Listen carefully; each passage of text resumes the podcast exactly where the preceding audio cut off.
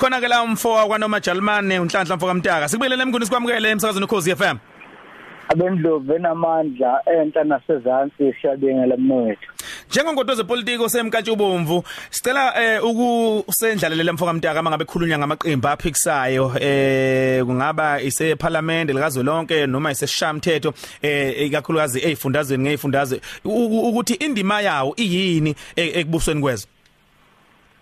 Asiqale sibonge newethu ishamthetho sakwaZulu Natal ngolesihlanu lidlule besimenywe khona labe siyokhuluma khona ipolitiki yangempela sibonisana nangezinto ezimqoka.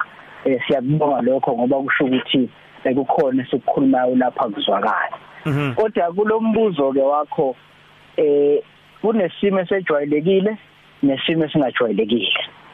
Isimo esejwayelekile sokuthi amaqembu lawa akuthiwa aphikisayo igama elithi aphikisayo lalingeve lithi kufuneka kuphikiswe yonke into ekhona emhlabeni neshiwo abanye mhm. Kwakuye ngamaqembu lawa kakhulukazi emazweni ase-Europe kanye nasemelika athi thina siyiqembu singenela ukhetho sehlulwa kodwa sinenqubo mgomo engcono. Kunalaba abanye nansi zikhethele kuleminyaka besabusa laba. Uma benza into ezithize sizokuphikisa lokho siqhamuke nesixazululo. Kwakuyinto ke enhle behloniphana beba nalokhu okuthiwa ngesilungu sepolitiki ama alternative policies ukuthi inqubo mgomo engcono nehlukile kunalaba abanye. Kwakuyisimo ke sejwayelekile leso. Ngeshwa ngokuhamba kwesikhathi lamaqembu ayesebamaningi kwase kuba nabantu abanye abadiniwe kakhulukazi kwipolitiki yaseAfrika la khona uthola ukuthi abantu baphuma kulelo qembu kade beyingcenyalo sebediniwe. Akunanqobo mgomo ucasulwe nje omunye umholi. Hmm. bese ethi useneqembu naye bese kuthiwa liyaphikisa. Kodwa uma usulandela uthola liphikisa hmm. ayi ngenze sibonelo icope yathi yathi ifuna ukwenza iANC yangempela le eyayikhona kuseyona yangempela. Akubona ukuphikisa lo hmm. ufuthi wena uthi ufuna ukuba yilabantu uthi yabaphikisa? E, yiko ngithi ke kufuneka sigade ukuthi kukhona enzeka ngezathu zabantu nje kukhona okubanengile eh kungekho inqubo mgomo engcono.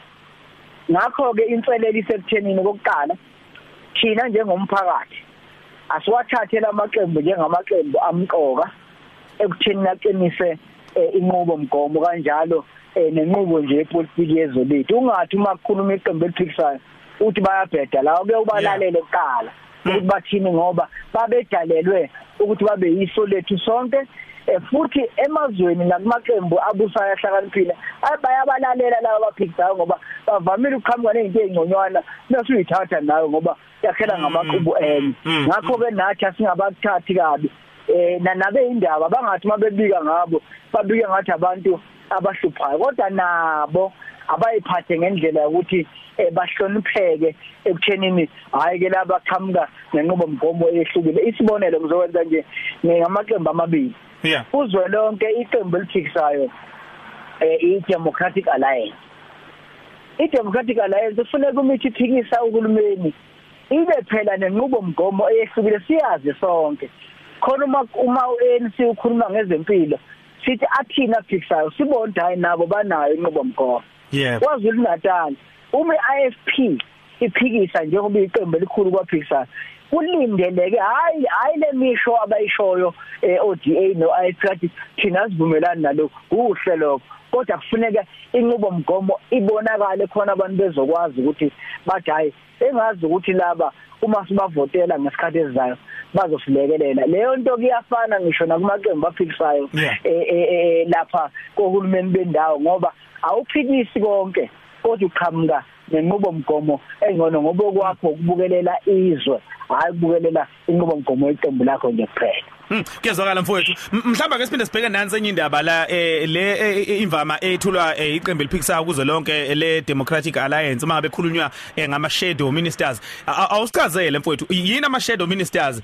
Yini futhi umsebenzi wawo angithi leqembu njengoba lisuke lilindile nje ukuthi nalo lingaba uhulumeni yeah. lisuke bese lenza ongqongqoshe bale lithi mangase baphathe kusasa naba abantu abazosimela thina njengongqongqoshe. Hmm. Uma kunongqongqoshe wezempilo nabo futhi bazoba nongqongqoshe wezempilo ne-IFP lo ngesibonelo lapho kwaZulu Natal nakuzolo ne-IFP nayo kufuneka isethulele ukuthi hayi thina kwezempilo uma ngase siphathe kusasa nangu umuntu ozosiphathela. Kodwa kumqoka akusona isidumbu nje somuntu noma igama lomuntu inqubo mgomo njengoba ngisho nje ukuthi amaqembu aphikisayo sesiwadele kudedele kakhulu aphikisa ne- nala engaphikisi khona singeze ukuthi athini. Sekuyisikhathi sokuthi manje nawo asitshengise ukuthi ngempela aphikisa ngokungcono ngoba awukwazi ukuphikisa konke phikisa ngokungcono ama shadow ministers lawa washo noma ongqongqoshe abalindile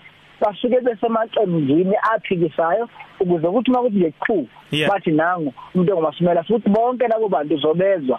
Uthola ukuthi makukhuluma mhlawumbe ungqongqoshe wezemfundo eh, kuzolonke usephendulwa ulo okuthiwe eh, ung- ungqongqoshe olindile eqenye eliphikisayo ngoba nabo bayibeka noma bayibona njengohulumeni eh, ozayo. Okuyinto ke enhle njengoba ngisho ukuthi esimeni esejwayelekile kodwa okumqoka sikulenkinga esinayo kokunye eningizimu Afrika ingenxa yobuthaka kwamaqembu nabaholi bamaqembu aphikisayo. Abasisizeke ake baqinise eh babashintshe nokwenza khona sokwazi ukuthi ukukhetha kwethu kube ngcono ngoba kule minyaka eh, edlule ukukhetha bengekho kuhle ngoba abantu bebevuka nje ekseni baphikisa okushoyo bangasiniki inqubo mgomo ephelele ingabha ke ingakuwa amaqembu aphikisayo Mfo Mtaka siyabonga kakhulu Mtaka baba. Sikufisela usuku oluhle sekhoze FM siyabonga. Inkodo zepolitiki besikhuluma naye ngalesikhathi eh unhlanhla eh umfo kaMtaka right?